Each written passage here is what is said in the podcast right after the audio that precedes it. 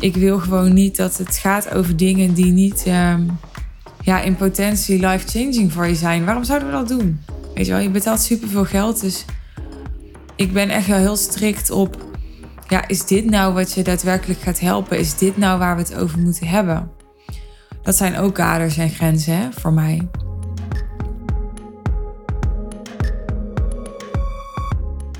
In deze aflevering ga ik het met je hebben over.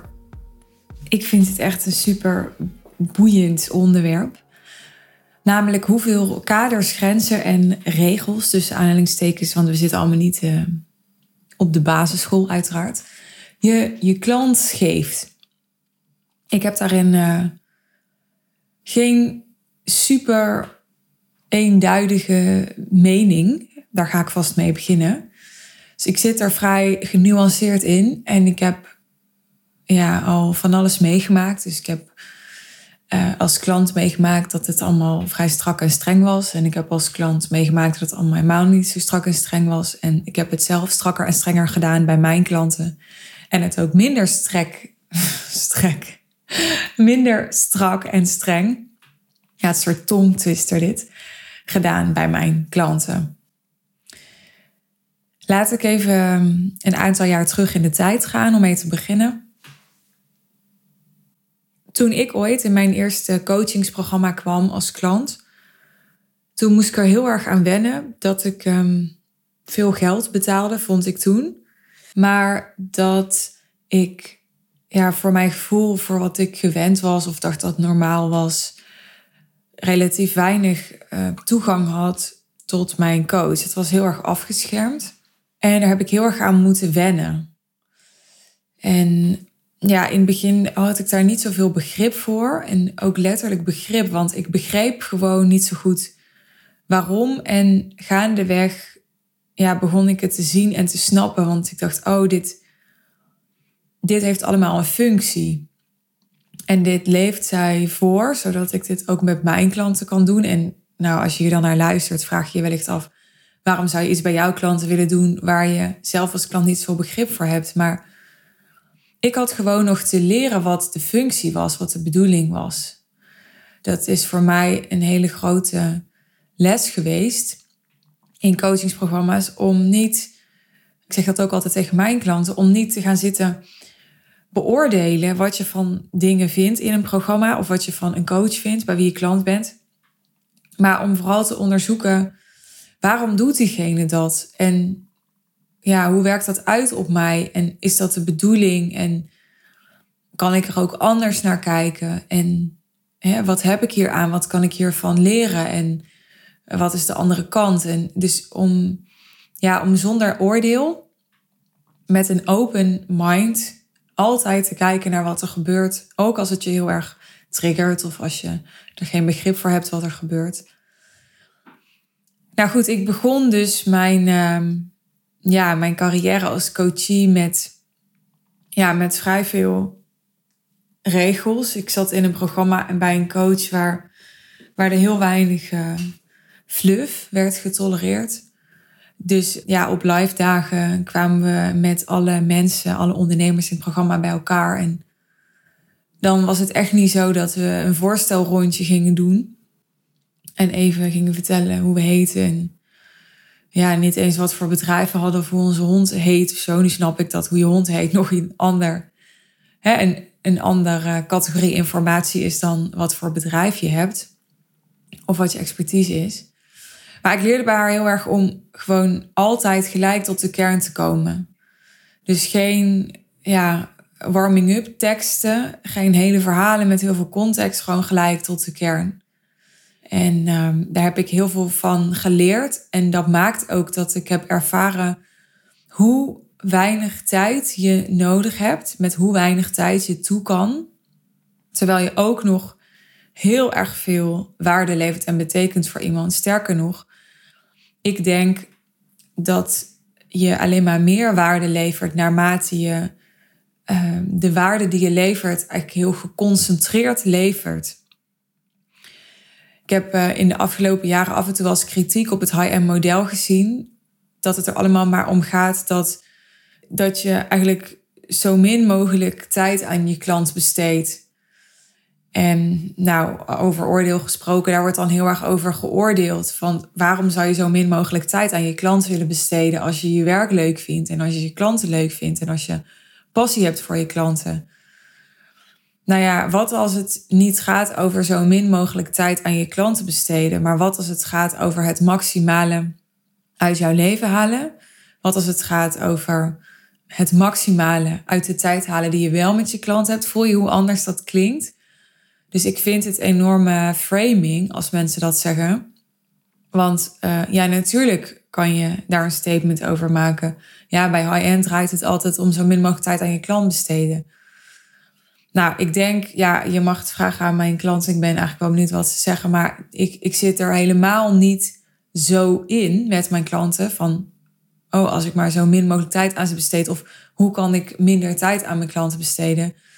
Ik kijk wel heel erg naar wat aan de tijd die we hier besteden is helemaal niet zo zinvol. Draagt niet direct bij aan het resultaat.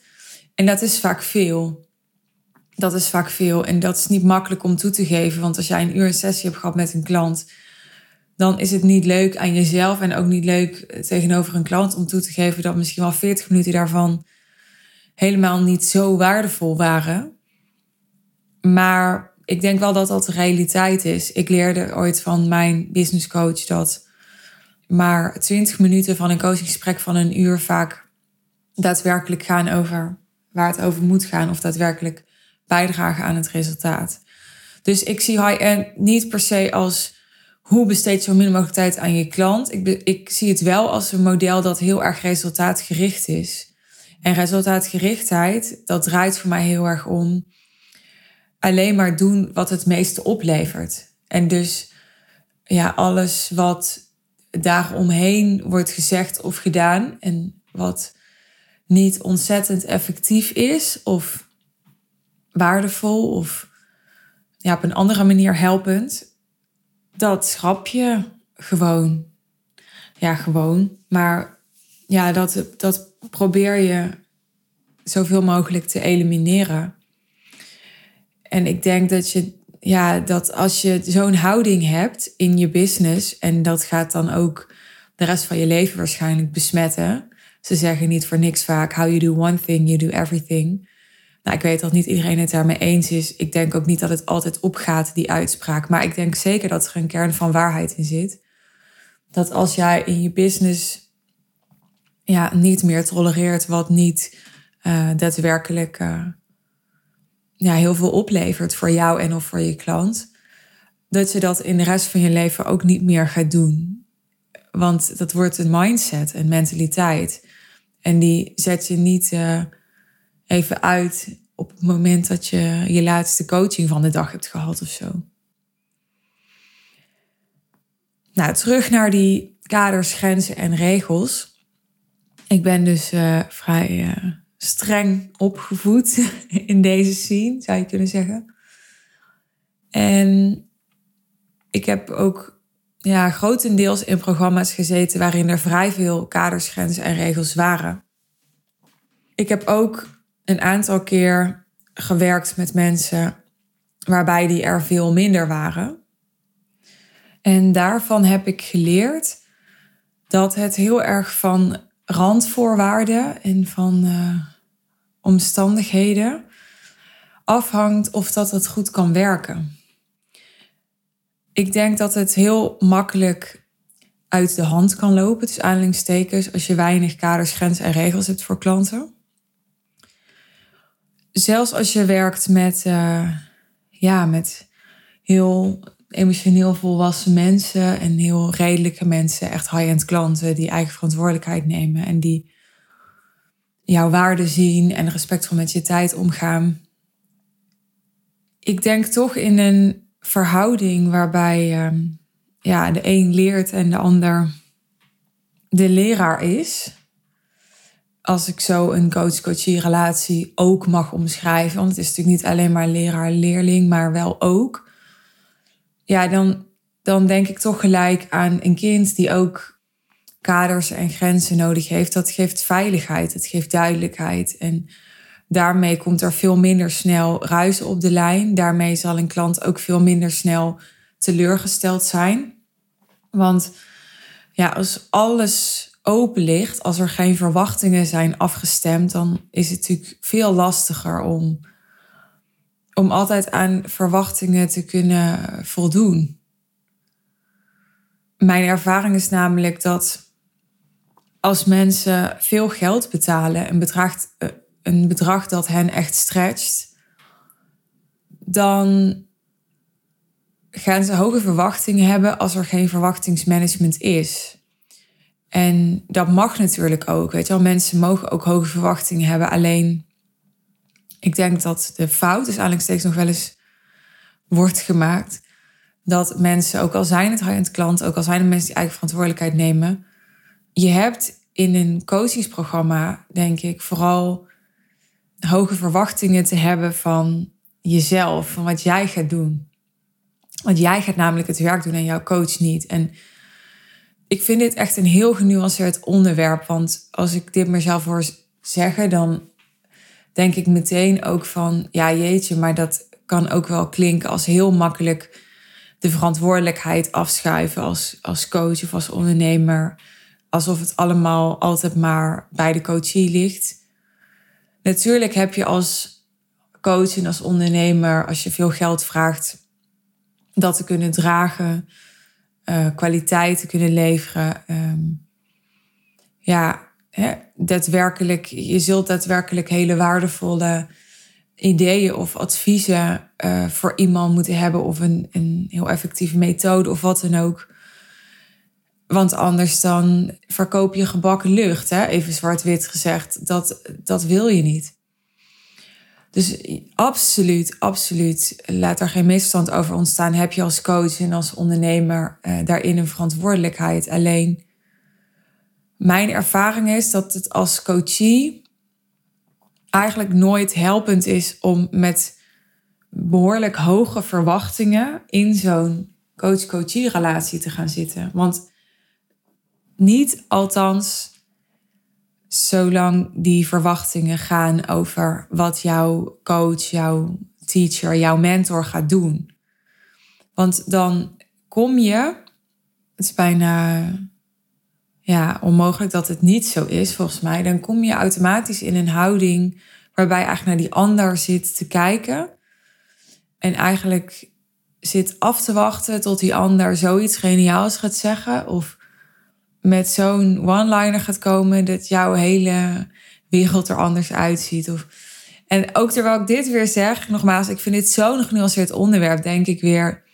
Ja, ik weet zeker dat er nu ondernemers zitten te luisteren die denken, nou echt niet hoor. Ik kan echt wel hoge verwachtingen van iemand hebben zonder dat ik denk dat, dat die ander met een toverstaf kan zwaaien en dat mijn hele leven er dan anders uitziet. Dus ik wil niemand hierin tekort doen. En ik blijf maar benadrukken dat het niet zo zwart-wit ligt. Maar in general geloof ik dus wel in uh, je klanten kaders, grenzen en regels geven. En ik zal je ook wat voorbeelden geven van kaders, grenzen en regels die ik dan bedoel. Want misschien denk je, ja, waar hebben we het eigenlijk over? Dat kan ik me heel goed voorstellen.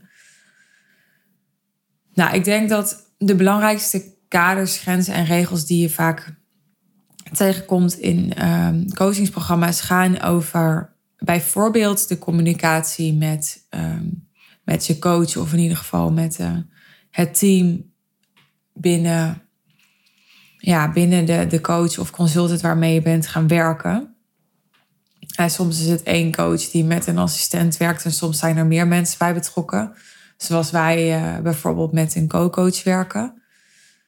Wij hebben ja, een aantal richtlijnen. Dat is uh, ja, een woord wat ik liever gebruik dan regels. Zo, dat vind ik eigenlijk een heel naar woord en heel schools klinken.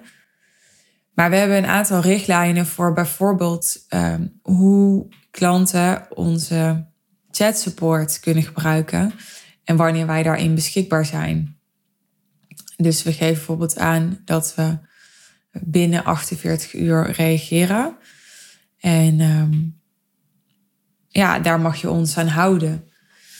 Tenzij je een, echt een groter vraagstuk hebt. Het gebeurt wel eens dat mensen echt feedback vragen op langere teksten. En dan is de stelregel uit mijn hoofd 36 uur. Zodat ik ook echt even een rustig moment kan nemen als ik zie dat iemand die vraag heeft gesteld om daarnaar te kijken en zorgvuldig feedback te geven. Kijk, en het is nou eenmaal zo mijn agenda dat als ik bijvoorbeeld uh, dinsdag uh, coachings heb de hele dag en ik heb woensdag mijn mama dag, ja, dan ben je al twee dagen verder. Dus daarin hebben we gekeken naar ja, wat kan ik realistisch waarmaken.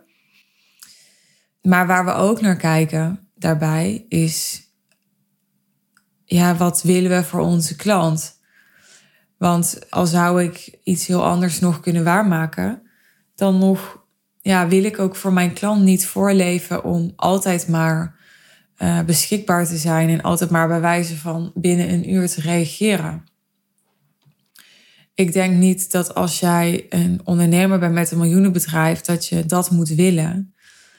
Uh, en niet alleen omdat je ja, veel groter te denken hebt dan uh, altijd binnen een uur op elke poep scheet reageren. Dus je hebt eigenlijk veel integraler te denken dan, dan echt op, ja, op zo'n detailniveau bij een klant. Los daarvan, ja, geloof ik ook niet dat het ook hier weer de klant helpt. Want ja, ik vind die chat support die wij bieden mega waardevol. En ja, ik denk dat het enorm veel toevoegt dat je tussen calls in nog, nou ja, waar je dan ook maar tegenaan loopt, kunt voorleggen. En tegelijkertijd zie ik gewoon dat de doorbraken die mensen hebben, die echt het verschil maken, die zitten hem niet in dat ze tussendoor nog even een vraagje hebben kunnen stellen. Het is absoluut zo dat mensen soms ook doorbraken hebben door dingen op de chat, maar dat zijn dan niet dingen die die per se heel snel beantwoord moeten worden of zo. Dus een klant van mij vertelde laatst weer dat ik echt maanden geleden, misschien wel een half jaar geleden, een bericht aan haar had gestuurd op de chat. Echt een, een lang spraakbericht had ik voor haar opgenomen. En dat dat zoveel voor haar had betekend. Dat dat had zo'n mindset shift teweeggebracht. En zij heeft er zoveel aan gehad ze bood van de week nog aan van, oh ja, ik wil heel graag daar nog een testimonial over geven of daar meer over delen. Want nou ja, zij was daar zo enorm over te spreken. Maar wat ik aan haar insprak, dat, ja, dat, uh, dit was niet iets wat ik per se binnen een uur op haar vraag of haar kwestie, ik weet niet meer precies waar ze toen mee kwam, had hoeven doen. Nou, even terug naar het onderwerp en die communicatie ik denk dus dat die communicatie belangrijk is. Dus uh, hoe is er contact? Dat je helder bent over ja, of calls zomaar uit kunnen lopen of niet. Uh, wat trouwens een beetje gevoelig onderwerp is, want mijn calls lopen nog wel eens uit. Eigenlijk wil ik dat niet, maar ja, ik ben gewoon een vrij slechte time manager, zeg ik heel eerlijk. Ik vind het gewoon best wel lastig. Maar ik vind het nooit zo respectvol naar mensen hun tijd om makkelijk uit te lopen. Dus ik let daar wel echt op. Maar dus ook als je iets van Voxer support of Slack support of Telegram support biedt, hoe ga je daar dan mee om? Dus hoe lang mag de vraag zijn?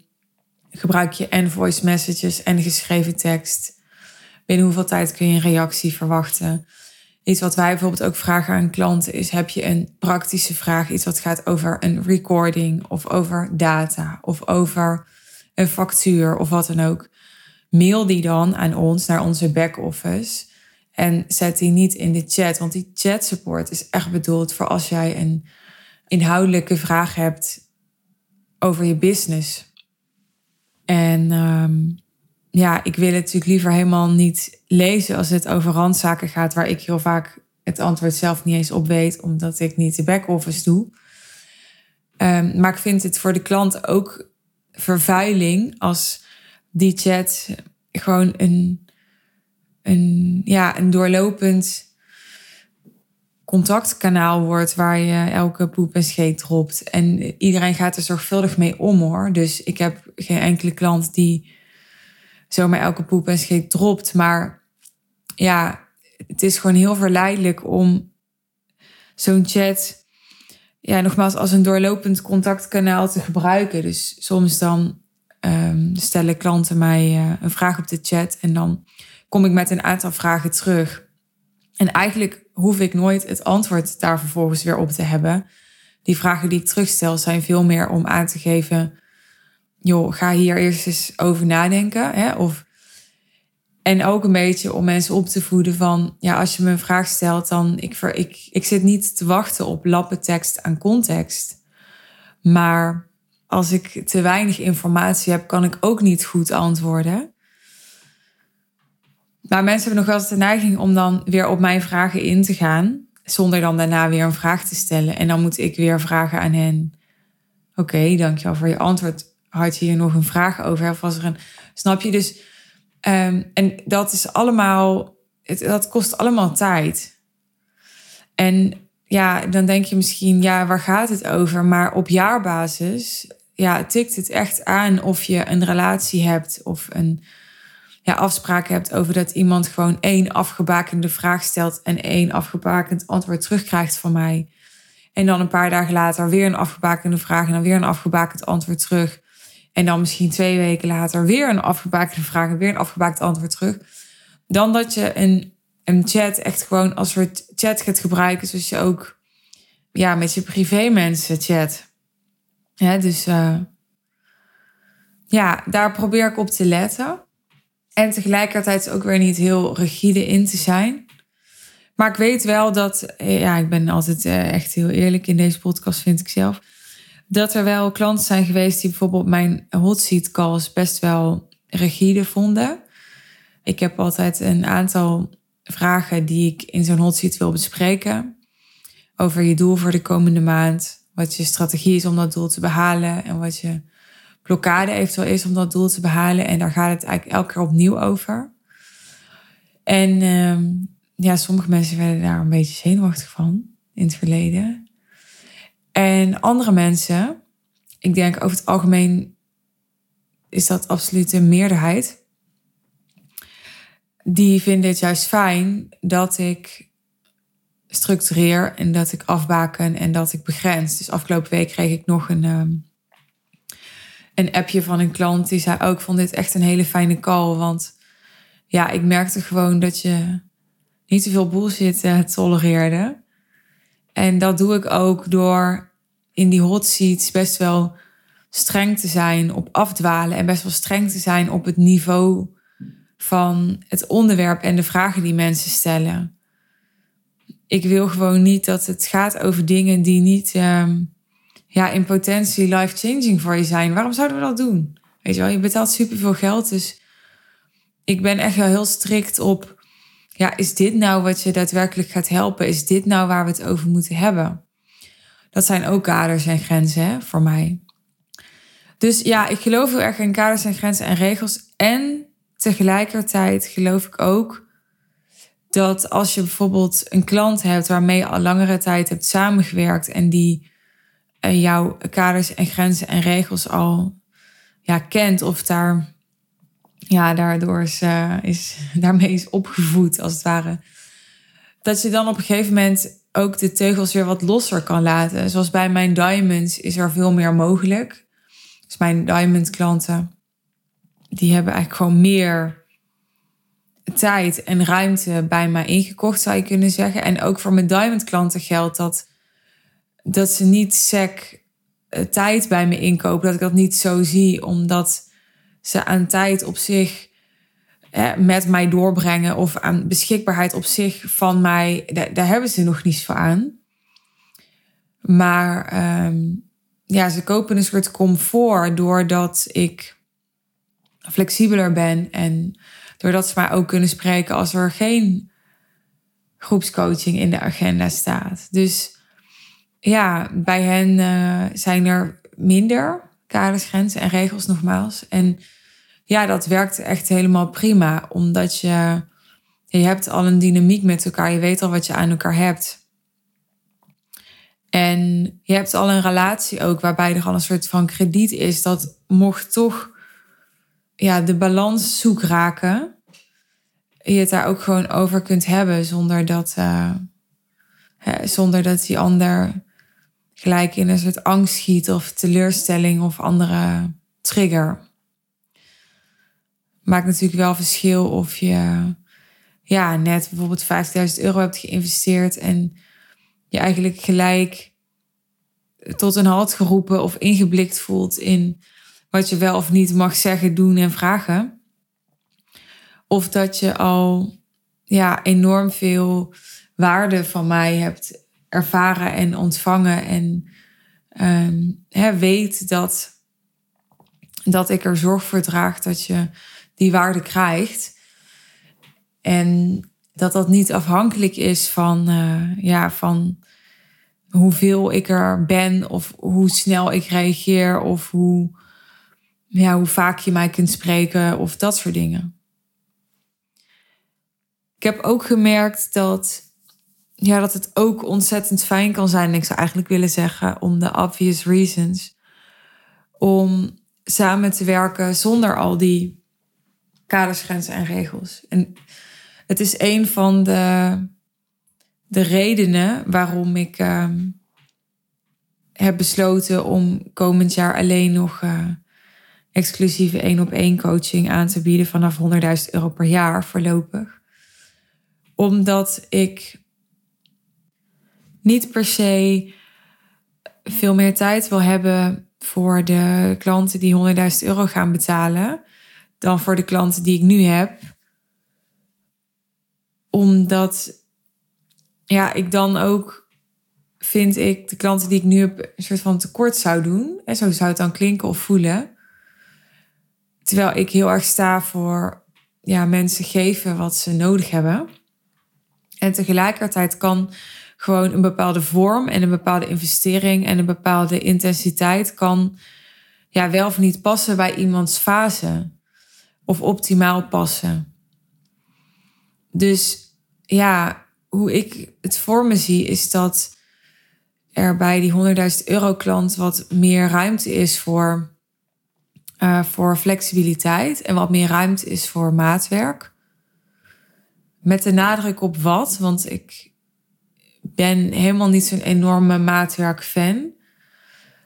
Uh, omdat ik, ja, misschien heb ik daar eerder al wel eens een keer een podcast over opgenomen, weet ik niet meer precies. Maar ik geloof ook heel erg in één format waarvan je weet dat het supergoed werkt. En dat dan bij elk klant herhalen en steeds beter maken. Dus ik geloof gewoon niet dat, ik bedoel, maatwerk klinkt altijd heel erg nobel naar een klant. Maar ik geloof gewoon niet dat het altijd beter is. Ik denk dat het juist veel beter is om te zorgen dat je zoveel mogelijk één type klant hebt. En met één type bedoel ik niet dat, uh, al je klanten 34 jaar oud moeten zijn, uit Amsterdam moeten komen. En daar kan nog steeds wel variatie in zitten. Maar ik denk dat een probleem van veel ondernemers is dat ze veel te uiteenlopende klanten hebben, waardoor je eigenlijk wel maatwerk moet leveren om iedereen heel goed te kunnen helpen. Nou ja, daar ben ik al niet zo fan van, maar dat is meer voor, uh, ja, voor weer een andere aflevering. Maar ik geloof wel degelijk in dat als je op een bepaald niveau werkt met een klant, dat het heel fijn is om, uh, ja, om daarin meer flexibiliteit en vrijheid te hebben aan beide kanten. Dus zo heb ik nu bijvoorbeeld bij mijn laatste Diamond klant afgesproken dat we uh, de kick-off wat later doen, omdat er, nou ja, een reden was qua timing om dat te doen. En dat doe ik omdat het een klant is waarvan ik weet dat hij die vrijheid en die flexibiliteit aan kan. En ja, omdat ik geloof dat ik er niet uh, last van ga krijgen. Dat we iets in het curriculum, zou je kunnen zeggen met een chic woord, wat opschuiven.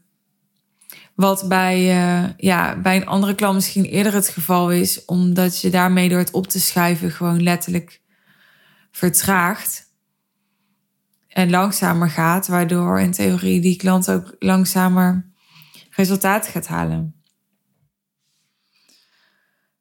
Nou ja, nog heel even over dat ik zelf eh, ook graag ja, weer naar een hoger niveau klant en hogere investering voor mijn klanten wilde gaan. Omdat ik het allemaal wat minder rigide wilde doen. Dat zit hem niet zozeer in dat ik bijvoorbeeld de structuur van mijn calls rigide vond of mijn chatbeleid rigide vond of zo, want daar sta ik heel erg achter. Maar er was één punt waarop ik dacht: dit wil ik niet meer. En dat is toen ik merkte dat wij achter de schermen zo ontzettend druk waren met een succesmanual voor onze klanten.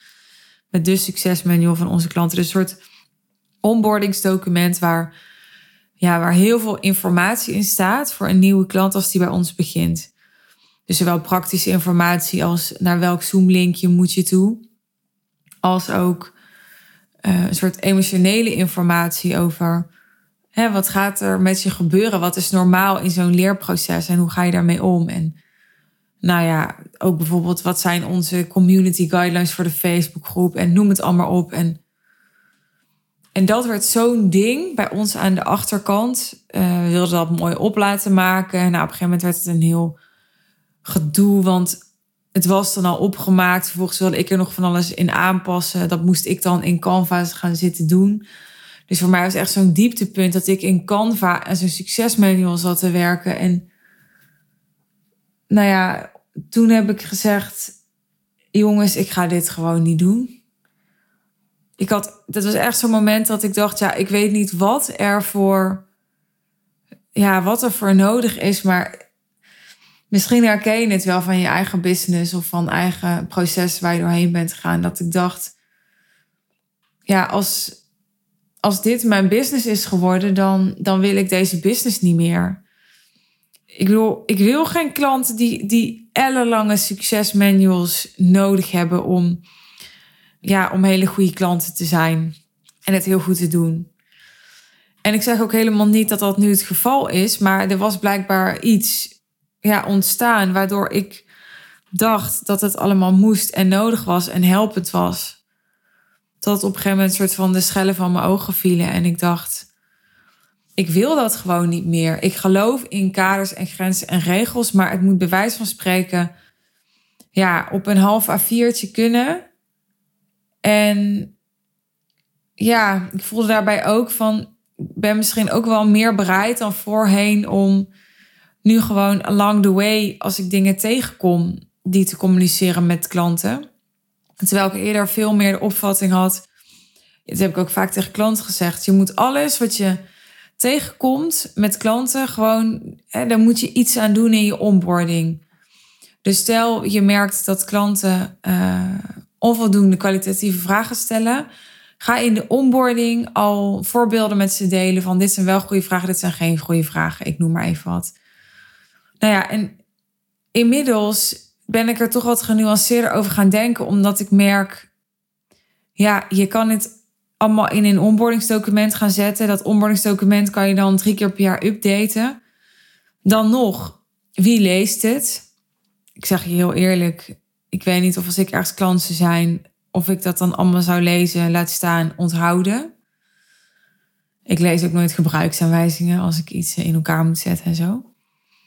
En ja, al zouden mensen aan het begin lezen, dan nog eens de vraag of ze het halverwege nog weten. Dan nog eens de vraag of ze het weten als in van snappen wat er staat, of weten als in van leven.